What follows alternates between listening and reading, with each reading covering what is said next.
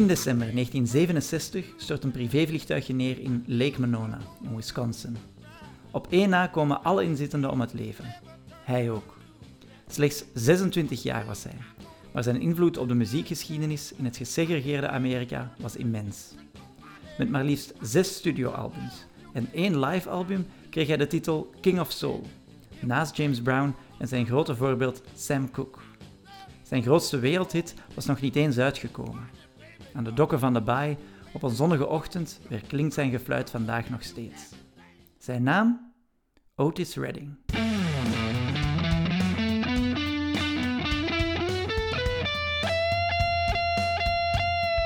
Liever snel naar de hel met Seppe en Sander. Welkom bij een nieuwe aflevering van Liever snel naar de hel. In deze podcastreeks bespreken we legendarische muzikanten die vandaag niet meer op deze aardbol rondlopen, maar wel een mooie muzikale erfenis nalaten. En die muzikanten bespreken we met twee, namelijk ikzelf, maar ook mijn goede vriend en medemuziekliefhebber Seppe. Dag Sander.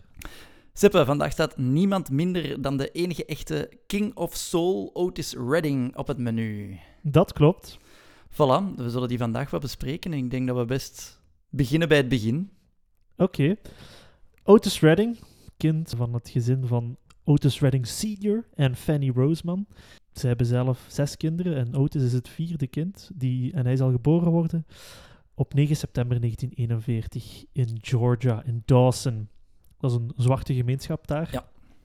Dus op jonge leeftijd komt Otis ook al in aanraking met de echte kerken en de kerkdiensten daar eh, in de zwarte gemeenschap.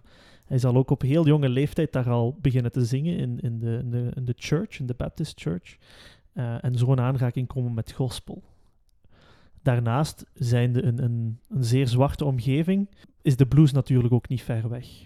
En de combinatie van die twee muziekstijlen zullen ervoor zorgen dat Otis, uh, naar gelang zijn leven ver verder gaat, eigenlijk ook een nieuwe stijl die een beetje een symbiose van die twee stijlen is gaat ontwikkelen. Hè. Ja, inderdaad.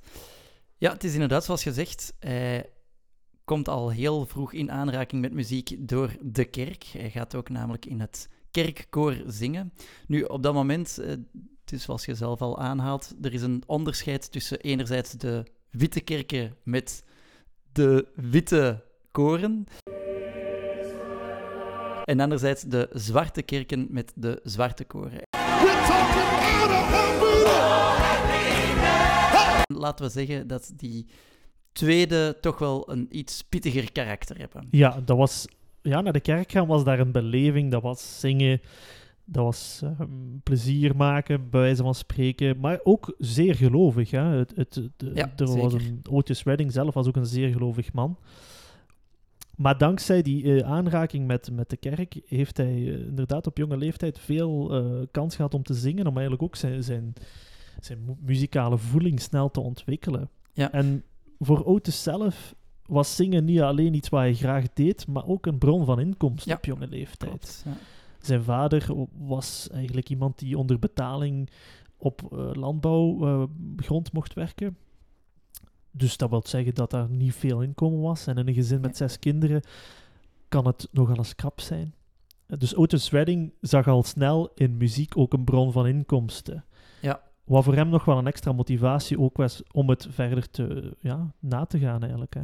Ja, inderdaad. En het gaat op een gegeven moment ook wat minder goed met, hem, met zijn vader, waardoor dat hij ook een noodzakelijke bron van inkomsten wordt. Ja, hij gaat in een society club of in zo'n social club gaat hij, gaat hij spelen. En zo'n social club organiseert dan verschillende talent shows. En daar wordt hij ook wel stilletjes aan opgepikt. Ja, want hij gaat natuurlijk meer dan één keer naar zo'n talentshow. En een uh, specifieke talentshow waar hij meedeed, die, die, die won hij 15 keer na elkaar.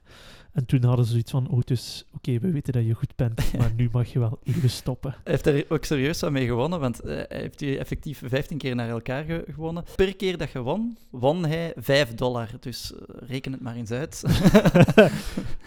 hij heeft er wel wat geld mee verzameld. Zeker op dat moment, je moet bedenken, 5 dollar is op dat moment nog veel meer waard dan dat het nu natuurlijk is. Nu draaien we ons aan- 44 dollar. 44 dollar? ja, ja, dus dat is, dat, is toch, dat, dat is toch wel de moeite. Dat is toch wel de moeite. Zeker als je dat dan omrekent naar wat het eh, vandaag zou zijn. Daar heb je al een Uber Eats voor.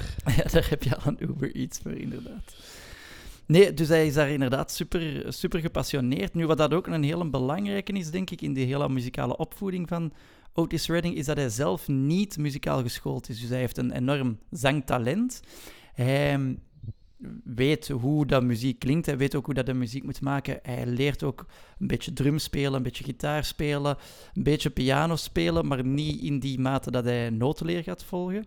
En het grappige is zelfs dat hij later, als hij eh, al wat bekend wordt, maar daarover zometeen nog meer, dat hij zijn medemuzikanten, als hij die advies moet geven over hoe dat ze een bepaald stuk moeten aanhalen of niet aanhalen, dan gaat hij dat, dat vaak ook voorzingen. Ja. Dus hij gebruikt dan de woorden fa fa fa om na te doen wat dat de trompetten moeten doen. En daar is bijvoorbeeld ook het nummer de fa fa Ah, fa ja. song op gebaseerd. Our turn.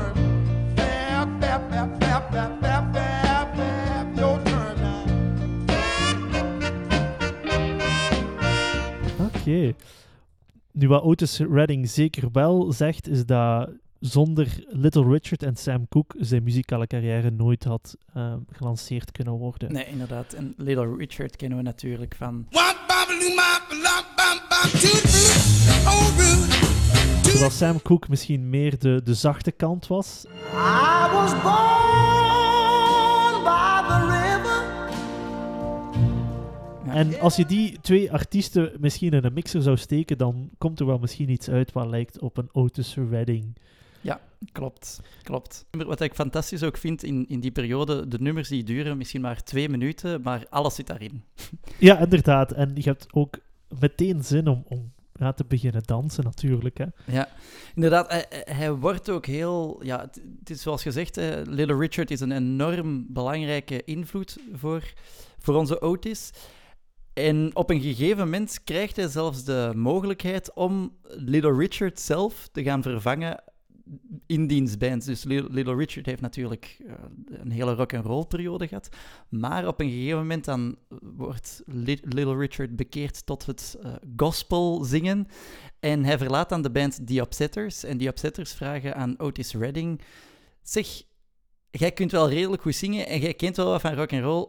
Wil jij het misschien eens een keer van de Richard overnemen? hè? En daarbij kwam het natuurlijk ook wel goed uit dat Otis Redding zeer veel coversongs ook al had gemaakt Ja. van Little Richard. En dat hij op die manier eigenlijk zelfs ook eh, een kleine bekendheid al had verworven als eigenlijk... Ja, Little Richard impersonator natuurlijk niet, maar hij zong wel veel liedjes van Little Richard. Ja, ja, ja. Het is in die periode dat hij ook zich meer en meer wat begint te profileren. Dat is dezelfde periode waarin dat hij dan door, wat dat we er straks ook al aanhaalden, de Teenage Party Plan. Dus dat is die talentenjacht waar dat hij aan meedeed en waar hij 15 keer bij was gewonnen. Daar leert hij ook Johnny Jenkins kennen. En Johnny Jenkins is een, op dat moment een redelijk bekende artiest in de omgeving. En zeer belangrijk, want Johnny Jenkins begint hem ook meer en meer mee te pakken. Hij zegt van, ah, wilt jij anders niet eens een keer spelen in, in, in een bandje? Hij speelt zelf in de Pinetoppers. Ja, kunt jij niet wat zingen voor de Pinetoppers? Ja, oké, eh, de notice die doet mee. Ah, Johnny Jenkins gaat dan spelen voor Patty Cake. Ja, oké, Otis Redding die gaat mee. En het komt zo ver dat op een gegeven moment Johnny Jenkins zegt van, ha, kijk Otis, ik ben hier nu uitgenodigd om te gaan spelen in de Stax Studio, maar ik kan niet autorijden. En ja, kun jij mij anders eens een keer naar daar brengen? Ik ken dat. ja, jij kent dat inderdaad. Otis kan natuurlijk wel autorijden en Otis zegt van ja, oké, goed, ik ga, eh, ik ga dan eh, mijn vriend en Johnny Jenkins daar naartoe brengen. En ze rijden naar de Stax Studio in Memphis, geloof ik dat dat is. Ja, dat klopt. Ja. En ja, eh, Johnny Jenkins gaat daar spelen met Booker T en The MG's. Daarvoor is studiotijd ingekocht. Nu, Booker T en The MG's, belangrijke band ook wel. Misschien moeten we daar ook eens naar luisteren, want de naam zegt velen misschien niet meteen iets. Maar de song Green Onions, die gaat... Allee, veel mensen kennen die song. Wordt ook veel gebruikt als soundtrack in films.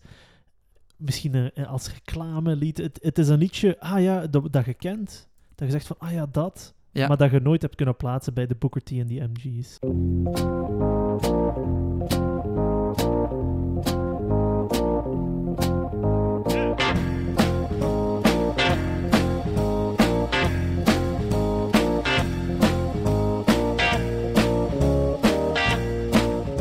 De Booker T en die MG's waren de sessiemuzikanten daar van, van de Stax, die met verschillende artiesten optreden. Ook als eh, een beetje de tegenhanger van Motown. Wat heel belangrijk hierbij is, is dat Booker T en die MG's, dat was eigenlijk een gemixte band. En niet dat die draaipanelen of zo gebruikten, maar dat waren eigenlijk eh, bandleden die zowel zwart als blank waren. Ja.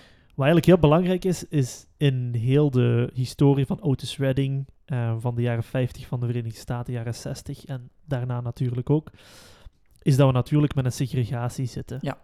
Dus zij zochten in muziek ook een beetje de, ja, de ontsnapping van de segregatie en, en probeerden in de stacks vooral ook eh, ja, volledig te gaan voor de muziek, zonder rekening te houden met, eh, met ras, met, met afkomst. De Stack Studio staat er echt onbekend, want de Stack Studio wordt eigenlijk opgericht door een broer en een zus. Twee blanke mensen die daar ook niet veel kaas hebben gegeten van muziek over het algemeen, die daar wel wat country kennen, maar niks van blues kennen. Maar die daar wel voor iedereen openstaan en voor heel veel invloeden openstaan en iedereen verwelkomen van, ah, komt er maar bij en ja, laat eens een keer horen wat dat je kunt. En ja, Ja. Eh, voilà. En dus Booker T en die MG's zijn zo ook wel samengebracht als zijnde van, ja, we hebben hier die blues-invloeden, we hebben die country-invloeden. En daar komt eigenlijk iets heel mooi uit, wat dat we dan later de, de Southern Soul inderdaad gaan ja, gaan inderdaad. En nu die feestjes in de stacks, we mogen niet denken aan stijve optredens waar dat niet bewogen wordt. Dat waren eigenlijk echt heftige optredens waar dat het, het zweet van, van de artiesten afliep en waar dat de mensen echt wel rechtop gingen staan om te dansen. Op zich kunnen we het natuurlijk ook vergelijken, want wat ontstaat daar op dat moment ook? Dat is de, de rhythm and blues, dus de R&B.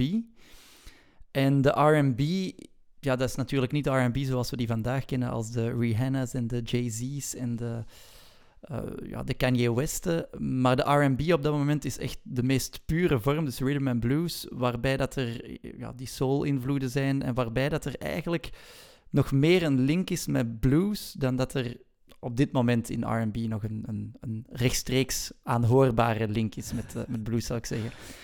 Eh, niks tegen R&B trouwens. maar er is wel een, er is wel een verschil. Hè? Ja, inderdaad, inderdaad. Uh, bijvoorbeeld ook eh, de Rolling Stones op dat moment worden ook als R&B-artiesten beschouwd. Maar we zijn aan het afwijken van, Ja, eh, van R&B. Eh, ik denk, eh, ja, wat dat er in ieder geval belangrijk is, we zitten in die Stack Studio. Johnny Jenkins is daar binnengekomen, speelt daar een sessie met Booker T en de MG's. En ja, eigenlijk blijkt dat dat niet de beste sessie was. Alleen Nee. er loopt daar wel wat dingen mis. En het komt erop neer dat ze daar op een gegeven moment nog 40 minuten ja, eigenlijk niks meer te doen hebben. En dan krijgen we daar opeens Otis Redding, die dat daar binnenkomt wandelen en zegt van, hey, zou ik ook iets mogen zingen? Ze hadden die eigenlijk al een paar keer zo wat weggewimpeld en gezegd van, "Och, jongske, we zijn hier met serieuze dingen bezig, je moet hier niet echt iets doen. Maar hij blijft zagen en uiteindelijk zeggen ze van, allee, kom, geef die jongen de microfoon. En hij begint daar eerst Hey Hey Baby te zingen, echt een rock-and-roll nummer. En ze zeggen meteen van, ja, dat is te veel Little Richard. Waarop dat hij daarna een ander nummer begint te zingen, ook dat hij zelf heeft geschreven, en dat is These Arms of Mine. En hij begint daar te zingen en Steve Cropper, dat is op dat moment de pianist, later zal hij een gitarist zijn van, eh, van Otis Redding. En, en hij omschrijft het van, ik had, echt, ik had echt kippenvel. Ik had echt kippenvel en ik dacht van, oké, ja, goed, dit moeten we doen. Dus hij, op dat moment kan hij de mensen van Stack Studio overtuigen om iets te doen met zijn muziek. En These Arms of Mine zal, ik denk een jaar later, in 1962 in ieder geval, wordt het ook uitgegeven als een, als een single en het komt ook op zijn eerste album te staan. These arms of mine,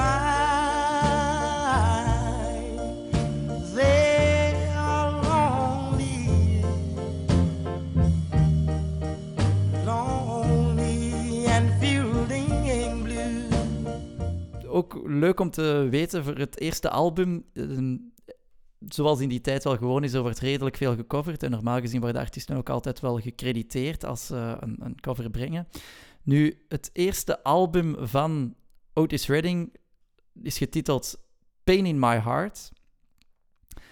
Maar ehm, hij wordt daar eigenlijk al meteen ja, van beschuldigd van plagiaat. Want Ja. het nummer lijkt enorm hard op een nummer dat een paar jaar daarvoor werd uitgebracht door Irma Thomas, namelijk Ruler of My Heart. Ik denk dat we er misschien even naar moeten luisteren en ze naast elkaar zetten. En ik- voor mij was het redelijk duidelijk. Het een was wel degelijk een cover van het andere. Oké, laten we een keer horen. Hè.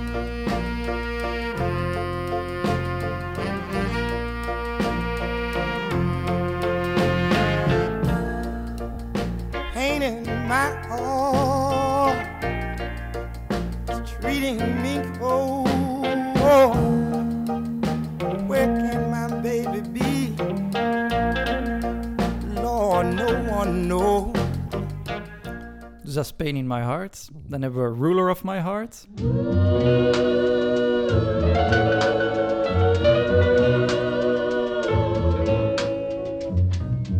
ruler of my heart, robber of my soul. You be? I wait patiently. Goh, ik vond dat nu niet... Het is, qua tekst is het iets anders. Er is een andere tekst op, maar ik vind het, het ritme zit er wel in. Er zit eenzelfde feeling en eenzelfde flow in. Maar natuurlijk, over plagiaat kan altijd heel veel gezegd worden. Ik denk, ik denk daarbij aan, aan iets wat Flip Cavalier ooit heeft gezegd, van ja, uiteindelijk zijn er maar een beperkt aantal akkoorden. En de kans is zo groot dat je uiteindelijk op dezelfde akkoorden uitkomt. Nu moeten we daar ook wel bij zeggen, Seppe, Pain in My Heart en Ruler of My Heart, het verschilt nu ook echt niet heel veel, hè? Nee, maar ik denk dat je dat ook in de context moet zien van... Oké, de soul music is zich aan het ontwikkelen, is aan het vorm krijgen en dat ze wel met dezelfde patronen en ritmes iets proberen te maken. Ik ken zelf niet veel van soul. Voor mij was Otis Redding ook een introductie tot echt soulmuziek. En je hoort dat daar vaak wel eenzelfde bedoeling achter zit, eenzelfde idee. En dat je als niet-kenner, wat ik zeker ben, na een tijdje wel het gevoel hebt, als je zo tien van die nummers hebt geluisterd, ja, dit is natuurlijk blasphemy, maar dat het wel op elkaar lijkt. Maar als je echt een soulkenner bent, dan denk ik wel dat je zegt van, wow, dit is een compleet andere context. En Ja, ik ja, dat is waar. Ik denk dat dat natuurlijk... Dat, dat kan over elk genre gezegd worden. Als je één punknummer hebt geluisterd, kent je alle punknummers. Als je één rocknummer hebt geluisterd, kent je ze allemaal. R&B, net hetzelfde. In ieder geval, er is een hele plagiaatzaak daar rond, eh, rond ontstaan. Eh, niet meteen eh, plezant als je je eerste plaat uitbrengt, of je eerste echte studioalbum. En uiteindelijk hebben ze het ook moeten toegeven. Uiteindelijk is Irma Thomas daar ook effectief voor gecrediteerd geweest. Dus hebben ze gezegd van ja, er is een bepaalde vorm van, van invloed geweest. Oké, het is een andere tekst. Maar ze hebben toegegeven, toegegeven is een groot woord, maar ze hebben wel erkend van kijk, er is inspiratie geweest en we gaan Irma Thomas daarin opnemen als zijnde de auteur van het nummer. Ja, als we het dan hebben over, over die hele, ja, we hebben het dan een beetje over de, de nummers die daar Otis Redding aan het maken zijn en neemt natuurlijk het een en het ander op. En wat toch wel opmerkelijk is, ik denk zeker als we het dan ook vergelijken met onze vorige gast die dat we hier besproken hebben, namelijk Jeff Buckley. Jeff, 31 jaar, of nog geen 31 jaar was hij geworden, en hij had maar één album gemaakt. Otis Redding, die maakt, wordt uiteindelijk 26 jaar en maakt zes albums. Is natuurlijk ook de plaatsmaatschappij die dat erachter zit. Het zijn ook niet allemaal de beste albums en hij gaat ook geregeld wel wat covers daarin brengen. Maar op een gegeven moment brengt hij dan ook een, een cover waarover dat ze gaan zeggen dat het zijn signature song is. En dat is Try Little Tenderness.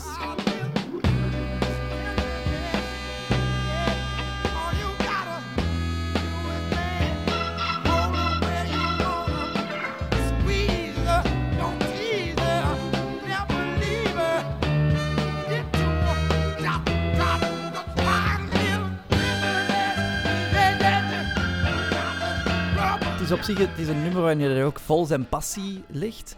Het, is ook een, het nummer was al bekend van, van in de jaren 30. Het is oorspronkelijk gemaakt door een blanke artiest. Het werd dan ook al gecoverd door bijvoorbeeld een Fra- Frank Sinatra. Maar Otis Redding was dan de eerste die het als zwarte artiest ook ging, ging, ging coveren. En die dat er naar de mening van verschillenden daar een volledig nieuw perspectief aan dat nummer gaf. Een volledige ja, nieuwe invulling en opvulling aan dat. eh, Ja, nummer gaf. inderdaad. En dat is ook hetgene waar Otis zelf naar streefde. Hij wilde eigenlijk popmuziek maken, of eigenlijk soul naar de pop brengen. Ja. Dat het voor het hele Amerikaanse volk een muziekstijl zou worden, of, of dat Otis Redding eh, met zijn muziekstijl bekend zou raken over heel de Verenigde Staten. Wat ook betekende dat hij ook op zoek ging naar Ja. dingen dat blanke mensen leuk vonden. Hè? Want Ja. we zitten hier nog altijd in, in clubs waar daar vaak alleen ofwel blanke ofwel zwarte mensen komen. En Otis gaat daar eigenlijk ja, op zoek naar het zwarte publiek. Dat heeft hij voor een stuk al mee met zijn, met zijn gospel-invloeden, met de blues-invloeden. Maar hij probeert zijn muziek populairder ook te maken door meer het blanke publiek te gaan opzoeken. En hij slaagt daar een eerste keer ook in tijdens eh Whiskey A Go Go. In de Whiskey A Go Go Club, moet ik eerder zeggen. Dat is een nachtclub in Hollywood. En die club, ja, daar, daar komen wel geregeld blanke artiesten, een blank publiek. Waaronder ook een Bob Dylan. Bob Dylan ziet hem daar en zegt van... Wow, amai, jij, kunt zingen. En ah, na het optreden zou hij ook gezegd hebben van... Kijk, Otis, ik wil aan u mijn nummer Just Like a Woman geven. Doet er iets mee. En Otis voelde zich gevleid, maar heeft daar uiteindelijk vriendelijk voor bedankt, want hij vond die Bob Dylan, die zijn teksten, veel te lang.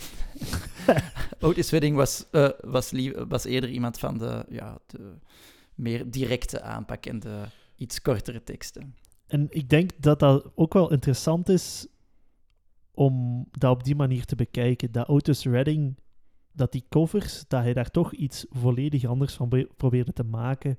Ja. Door emotie, door ook energie, door passie in die, in die cover te steken, om dan daar eigenlijk iets volledig nieuws van te maken. Hij, hij pakt het uiteindelijk ook slim aan als hem dan gaat zoeken van, kijk, ik wil dat bl- blanke publiek meer gaan, gaan aanspreken. Hij gaat ook op zoek naar, naar bands die daar op dat moment heel populair zijn. Of blanke bands, zal ik zeggen, die daar op dat moment heel populair zijn. En dat is dan onder andere een Rolling Stones en een, een Beatles. En hij heeft ook van deze be- beide legendarische bands heeft hij dan ook een, een cover gemaakt. Ik vind het misschien ook wel de moeite om misschien, om misschien eens te luisteren naar... Satisfaction, ja. Satisfaction? Ja. I can't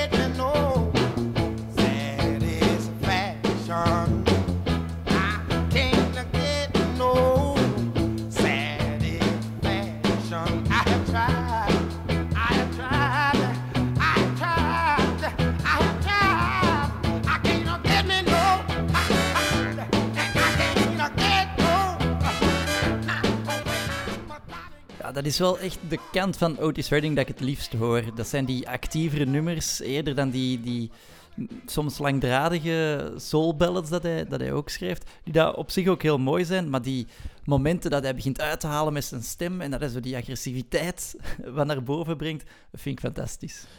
Als je dit nummer aan mij zou laten luisteren en daarna Satisfaction van de Rolling Stones, dan zou ik denken, ah, de Rolling Stones hebben zich gebaseerd op een, een nummer van de jaren Ja. 40, 50. Terwijl eigenlijk Otis Redding de cover heeft gemaakt van de Ja. Rolling Stones. En dat vind ik iets wat, wat heel boeiend is aan, aan soulmuziek, is dat daar... Dat was eigenlijk nieuw, en toch voelde dat al zeer nostalgisch Ja. aan. En, en zat er heel veel emotie in. En het lijkt precies of de versie van de Rolling Stones de, De cover is. ja, de, gepopula- de, de versie die Ja. voor het populaire publiek bedoeld is. Ja. Waar daar alles een beetje afgevlakt is en het zo wat gemakkelijk Ik denk dat dat voor een deel te maken heeft met het feit dat de instrumenten die dat Otis Redding gebruikt, of, of de samenstelling van muzikanten die dat hij gebruikte, dat, dat was ook al iets dat heel lang meeging. Je moet bedenken, in de jaren 40, in de jaren 30, ja, waren er natuurlijk ook al de, de bandjes die dat speelden met, met trompetten en met de dingen. Elektrische gitaren doen hun intrede pas op een veel later moment. En het zijn die trompetten, of, of, of die trompet sounds, zou ik zeggen, die daar ook heel aanwezig zijn in de, in de nummers van, van Otis Redding. Ja, inderdaad. En ik denk dat de sound van de Rolling Stones heeft veel meer iets rebels, als ik het zo mag zeggen. Ja, ja. Daar gaat je veel, daar, zij gaan veel meer op zoek naar het... het het rauw is niet, niet, niet juist, want ik vind dat, dat Otis Redding ook wel een bepaalde emotie heeft. Maar de Rolling Stones, dat, dat, zijn meer, dat, dat voelt jeugdig aan. Terwijl Otis Redding voelt heel... Ja, oud is ook niet het juiste woord, maar voelt tijdlozer Iets- aan. Ja, misschien. eh, Ik zou het bijna zelfs eh, klassiek durven noemen, maar, maar niet op, eh, in de, op de manier van klassieke muziek. Maar wel, je moet bedenken, hoe stond Otis Redding op het podium? Dat was ook in een mooi kostuum, eh, zijn zondagskostuum. Dat is ook hoe dat, hoe dat het vroeger werd gedaan. Vroeger, als je naar een feestje ging, nu zetten wij een is er een DJ en die speelt wat muziek. Vroeger was dat een hele band dat daar stond, met alle nodige toeters en bellen. Hè.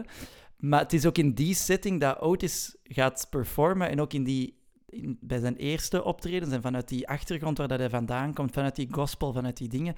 Ja, dat is hoe dat hij ook muziek altijd beleefd heeft.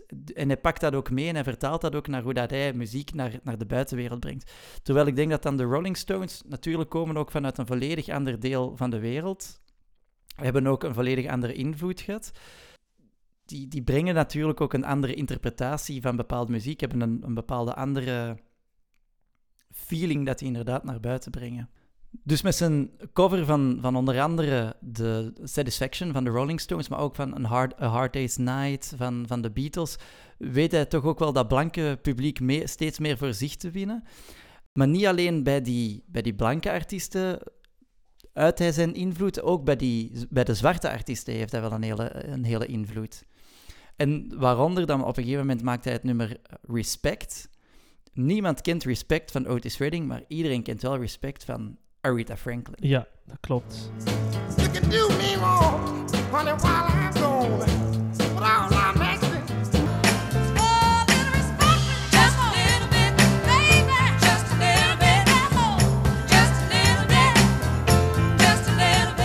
Otis Redding werkt ook nauw samen met verschillende andere artiesten. En er was echt wel een, een creatieve uitwisseling ook. Ja. Eh, er zijn twee artiesten, eh, twee artiesten die een band vormden, Sam en Dave, die eh, af en toe als voorprogramma voor Otis Redding speelden. Nu zelf vonden zij dat niet altijd even... Zelf vond Otis dat niet altijd even leuk Nee. omdat Sam en Dave die konden het publiek echt volledig warm krijgen. En zij daagden elkaar ook steeds uit op het podium. Dus Sam en Dave, dat waren twee, twee zottebollen Ja. ehm, die eigenlijk continu een competitie waren met elkaar. Maar op die manier creëerden ze het, de perfecte voorbereiding voor als Otis on stage kwam. Want was het publiek helemaal klaar. En vanaf het moment dat Otis begon te zingen, was heel het publiek natuurlijk los. Ja, hij was daar ook wel heel hard onder de indruk van, want hij zei op een gegeven moment ook wel van Don't you ever put me with them motherfuckers again. Omdat hij zei van, die Sam en Dave, die zijn zo... Die, die hebben dat publiek zo helemaal in hun hand. En hij vond dat, hij vond dat fantastisch natuurlijk ook. Hè. Maar tegelijkertijd, ja, als jij dan na zo'n act moet komen en jij moet dat publiek ook nog helemaal meekrijgen, dat is, dat is geen gemakkelijke opdracht natuurlijk.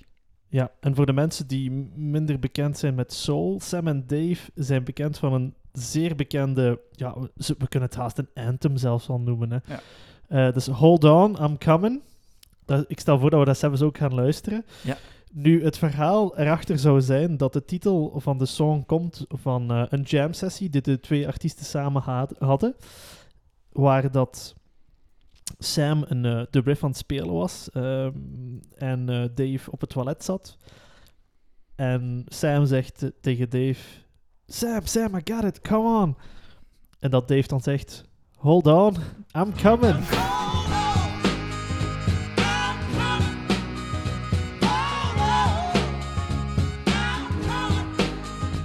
Sam en Dave hebben inderdaad een enorme invloed ook mee gehad op, op, op die soul sound. Eh, waren ook, ook lid van dezelfde familie, zal ik zeggen, als Otis Redding. Eh, ze zijn ook deel van die Stax-familie. Ja, inderdaad, dat klopt. Sam en Dave ook samen in de Stacks eh, muziek gemaakt. samen met andere sessiemuzikanten ook. En de muziek van Sam en Dave was iets meer militant ook als die van Otis. We zitten nog altijd in de jaren 60 van de Verenigde Staten. Eh, we hebben Martin Luther King. We hebben de, de Civil Rights Movement. eh, en Sam en eh, Dave spelen daar iets meer op in. De muziek van Otis Redding is niet altijd overt politiek. De teksten zijn niet politiek. Maar als we het aan het luisteren waren, en zeker achteraf, zeggen mensen natuurlijk wel, ah, daar hoor je wel de boodschap erin, of dat kan wel als een politieke boodschap gebruikt worden. Maar Otis Redding zelf heeft zich nooit overt eigenlijk geuit in, in heel die, die politieke Nee, ik denk strijd, dat er- zeker niet in zijn songs. Nee, ik denk dat hij daar inderdaad wel van probeerde weg te blijven, wat tegelijkertijd ook misschien ergens ook wel moedig is om, om, om, daar, om daar inderdaad om geen standpunt te proberen innemen. In de Amerikaanse cultuur gaan, gaan artiesten veel gemakkelijker zich uiten voor de ene of de andere partij, de ene of, of de andere politicus. Bij ons, hier in België, zien we dat amper, denk ik. Zijn heel weinig artiesten die daar gaan, gaan zeggen stem voor Open VLD of stem voor Groen. Je zou het misschien wel van bepaalde artiesten kunnen verwachten, maar ze gaan zich daar nooit zo openlijk over uitspreken. Terwijl in Amerika is dat veel meer, ja, het is een ander partijsysteem natuurlijk ook, maar wordt het veel meer gedaan en wordt er veel actiever op ingespeeld. Nu, Otis blijft daar inderdaad wel wat, naar, naar, eh, wat van buiten staan. We hebben Otis Redding bekeken ten opzichte van andere artiesten. Ik denk dat het ook interessant is om eens een keer te kijken wat dan nu die hoogte- en die dieptepunten waren tijdens de toch wel re- relatief korte carrière van de artiest. Ja, inderdaad. Op het begin van zijn carrière was muziek niet de grote inkomstenbron voor Otis Redding. En het is pas echt op het eind van zijn korte carrière dat hij echt serieus geld ook begon te verdienen met zijn, ehm, met zijn royalties, met het eh, verkopen van eh, eh, platen, et cetera. Maar hij is zeker op het begin van zijn carrière ook een, een, een struggling artist geweest. Hè. Ja, inderdaad. Op een gegeven moment moet hij, wil hij opnames gaan maken voor een live plaat in de Apollo Theater. Hij wordt daar 400 dollar voor betaald, maar hij moet 450 dollar betalen aan de bandleden. Ja, dus hij maakt daar eigenlijk verlies op. En ja, alle chance, Apollo Theater, dat, is, dat staat erom bekend. Heel veel artiesten die dat daar dagelijks optreden. En er zijn wat mede-artiesten die dat hem dan wel mee gaan ondersteunen en dat hem zelfs soms een beetje wat geld toestoppen. Hij wordt op het begin ook wel van zijn carrière wordt hij Mr. Pitiful genoemd, omdat hij zo van die zielige liedjes maakt. Call me Mr. Pitiful. Baby, that's my name. Wat ik, wat ik wou nog even terugpakken op hetgene wat jij zei over de Pity Man of de Pitiful Mhm. Man. Dat is denk ik hetgene waar dat de muziek van Otis zo herkenbaar wordt voor andere mensen die misschien een struggle hebben, of eigenlijk in de Verenigde Staten de, de Civil Rights Movement, is dat de, de muziek past bij, bij de struggle en bij, bij de moeilijkheden die, Mhm. die, dat volk, die het volk of het zwarte volk op dat moment meemaakt. En ook andere nummers, zoals bijvoorbeeld Respect, Mhm. dat, dat hij heeft. Als hij dat zingt, oké, dat is Respect for Women, maar dan wordt hij eigenlijk overgepakt door Aretha Franklin. Ja. En het is een nummer van Otis Redding. Maar als zij het zingt, krijgt dat ineens een heel andere betekenis, want het is een vrouw die erover zingt. Ja, Dus het klaagt ineens iets heel anders aan. En ik denk dat daarin de boodschap van, van Otis Redding ook wel zat, op die manier. Ja, klopt, inderdaad. Respect wordt een heel belangrijk nummer voor Aretha Franklin, maar zeker ook voor Otis Redding, want het nummer komt van zijn plaat Otis Blue en dat is een plaat die dat toch ook weer een kentering brengt in de carrière van Otis Redding, wordt ook beschouwd als een van zijn betere platen. Opmerkelijk ook, die plaat zou in 24 uur tijd zijn opgenomen. 10 van de 11 nummers zijn binnen de 24 uur opgenomen. Die plaat gaat hem dan ook geen windeieren leggen. Hij gaat daar goed aan verdienen. Zo goed zelfs dat hij op een gegeven moment zijn eigen ranch kan starten. En hij noemt hij dan ook toepasselijk de Big O Ranch, want hij werd ook de Big O genoemd. Waarom? Hij is zelf een redelijk grote kerel. En daar woont hij dan met zijn, met zijn vrouw en zijn kinderen. En hij heeft daar echt zo wat het, het, het luxe, ah ja, luxe leventje is misschien wat eh, neerbiedig gezegd. Maar hij heeft daar een heel goed leven met zijn, met zijn vrouw en, en zijn drie kinderen. Ik denk wat dat dan nog zeer belangrijk is, is dat hij, begint daar in stijgende lijn, gaat hij naar boven. Hij heeft ondertussen heeft dat zwarte publiek, heeft al een tijdje mee, dat blanke publiek begint hij mee te kennen. En een heel belangrijk moment in het leven van Otis Redding is dan het Monterey Pop Festival. Dat is een festival dat op dit moment bekend staat onder de, als, als, ja, binnen de Summer of Love. Je hebt enerzijds het Woodstock Festival, dat we allemaal kennen natuurlijk. Maar Monterey Festival was eigenlijk ook wel een, een, een festival waar dat ook een Jimi Hendrix, ook de Rolling Stones, waar dat ook eh, de Who gingen spelen. En Otis Redding mag daar ook spelen. Dus het is ook daar dat hij eigenlijk het grote blanke publiek helemaal, en zeker de hippiebeweging, helemaal voor zich weet te, weet te winnen.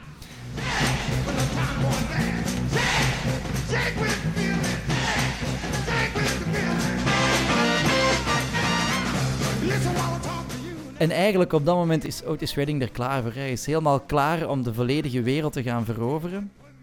Maar we zijn op dat moment ook wat in de laatste maanden van zijn leven. Want zes maanden later zal hij sterven. Ja, zes maanden later, in december 1967, zal hij eh, opstijgen met een klein vliegtuig om naar een optreden te gaan. Ja. Samen met andere bandleden. Nu, Otis Redding was iemand die, eh, die zou geen, geen optreden missen, al was er 50 meter sneeuw. Hij zou en moest op zijn optredens geraken, want hij voelde ook een sterke verplichting naar zijn fans toe. Ja. Otis Redding was iemand die zeer gemotiveerd en zeer gedreven was voor zijn muziek, maar ook voor zijn fans. Hij zei Dus- zelfs altijd van, I gotta make that dollar. I gotta make that dollar. Hoe Amerikaans kan het zijn? Dus Otis stapt samen met zijn bandleden in het vliegtuig en kort voordat ze zouden aankomen, stort het vliegtuig neer door slechte weersomstandigheden. Otis Redding sterft daarbij. Er zal slechts één persoon overleven. En daarmee is ook ja, natuurlijk de carrière van Otis. Ga. Hij zelf zal niks meer meemaken, maar eigenlijk kort daarvoor, en dat is eigenlijk wel heel belangrijk, gaat hij zijn grootste en bekendste nummer ook opnemen. En dat is eh, Sitting on the Dock of the Bay. Een, nummer dat, denk ik, over heel de wereld gekend is. Door iedereen, zelfs mensen die misschien geen fan zouden zijn van soul.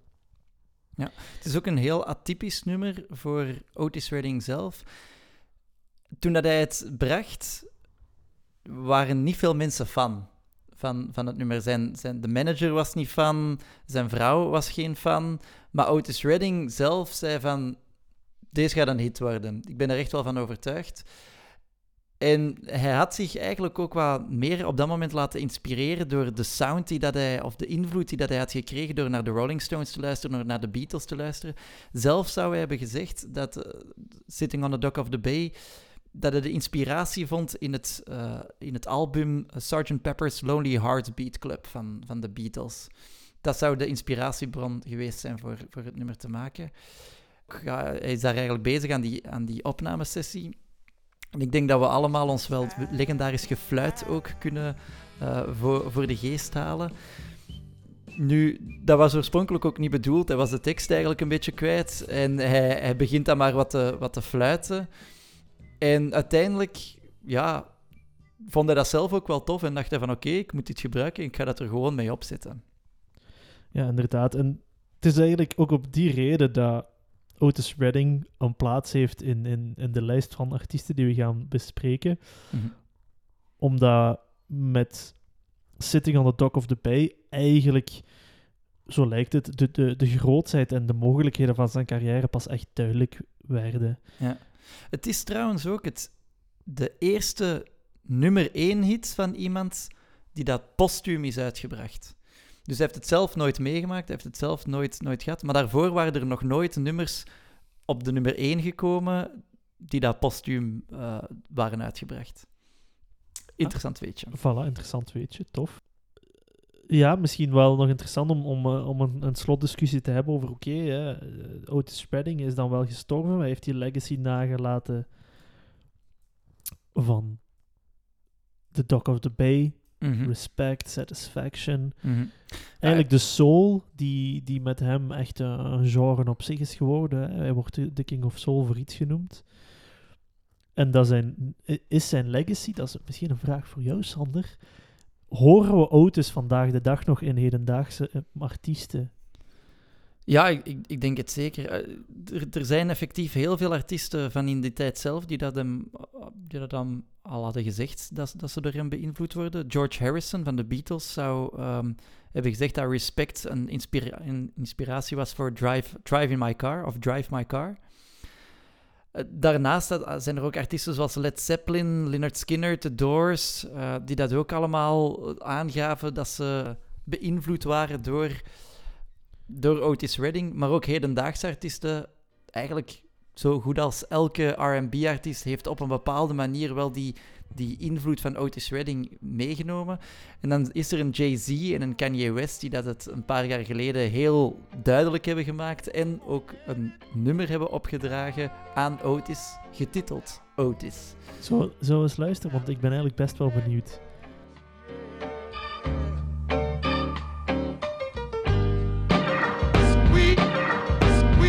Sweet, Sounds so soulful, don't you agree? squeeze her, don't tease her, never leave her. Got to drop, I invented man, sweat. man, man. Popping bottles, putting supermodels in the cab. Got Proof. drop, man, I guess I man, got my man. swagger back. Truth. New watch alert. Man, blows. Or the big face rollie, I got two of those. Arm out the window through the city, I maneuver slow. Cut back, snap back, see my cut through the holes. Damn, easy. Dat was Otis van Jay-Z en Kanye West, dus waarin dat ze hem echt eren. Het is ook een, een nummer waarin dat het, of, of het stukje van Otis Redding dat erin gesampled wordt, eh, komt ook van zijn grote hit Try Little Tenderness.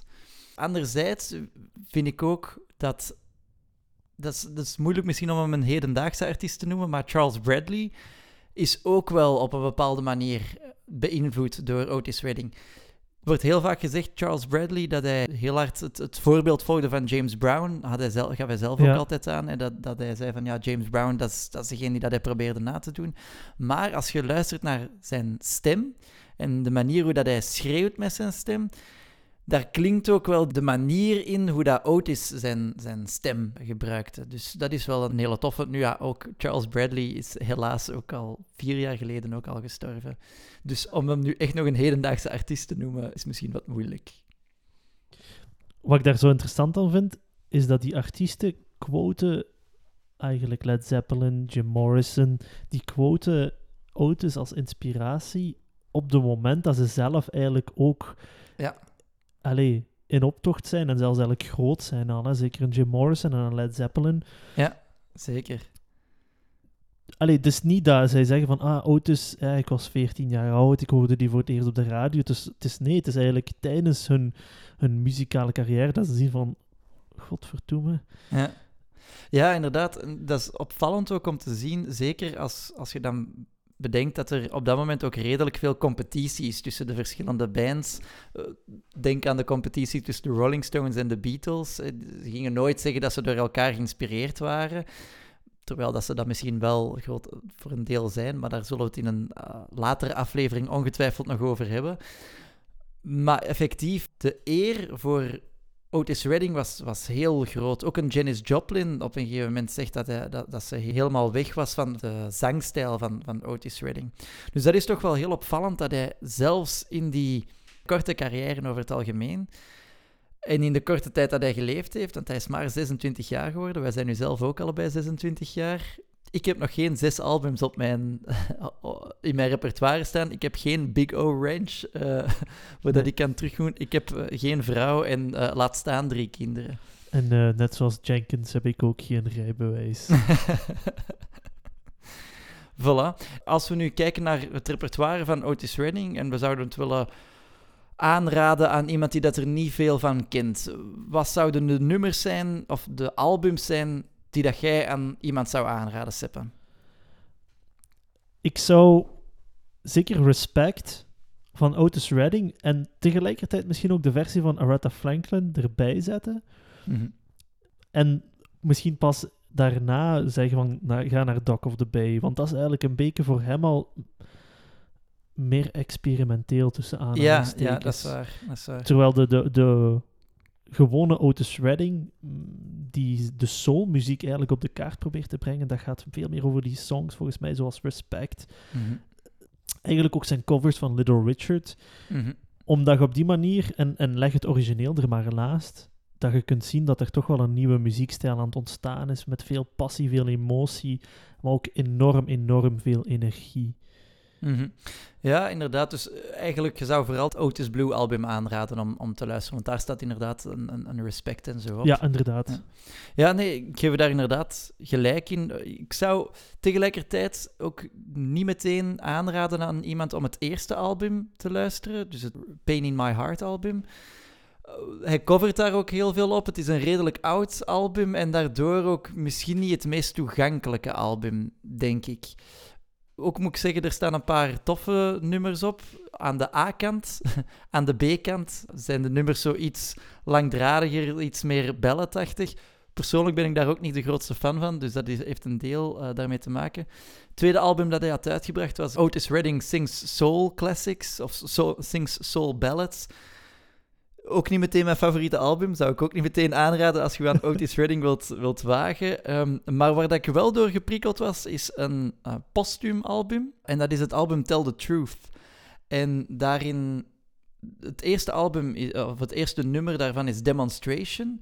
Dus dat is een nummer dat hij ook al op voorhand had, had opgenomen en dat dan pas achteraf is uitgebracht. En dat is een album, het is redelijk goed gemixt ook natuurlijk, dus dat doet heel veel. Maar dat is wel een album waarvan ik wel iets had van, wauw, oké, tof. Er zat heel veel, heel veel in. En dan het Otis Blue album, effectief ook.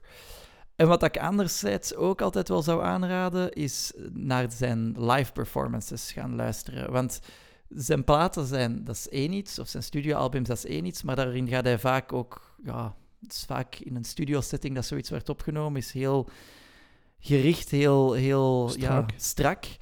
Maar als je hem dan live hoort, daar staat een andere mens, vind ik soms. Er is een gigantisch verschil tussen enerzijds zijn, zijn studioalbums en zijn, zijn, zijn live performances, waarin dat hij ook echt, ja, een, een preacher is. Hè? Hij staat daar op het podium en probeert zijn publiek mee te krijgen. En hij gaat ook veel meer die, wat dat je zelf zegt, die shake it off. Niet van Taylor Swift, maar de shake eh, erin brengen. En hij wil zijn publiek laten dansen. En dat voelt je heel hard in, dat, eh, ehm, ja, in, in die live albums. Dus dat zou ik zeker aanraden om daar naar te luisteren. Oké, top. Willen we dan misschien afsluiten met nog één nummer? Of toch een deel van een nummer?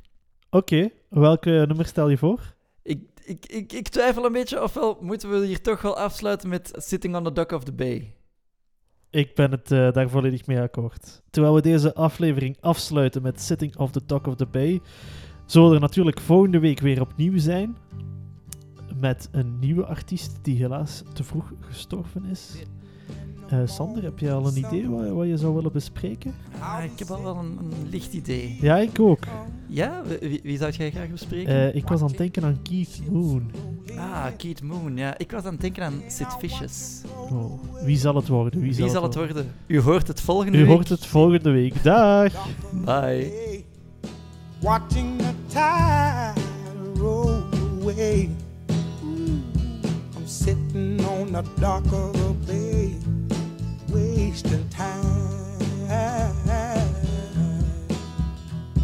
I left my home in Georgia and I headed for the Frisco Bay.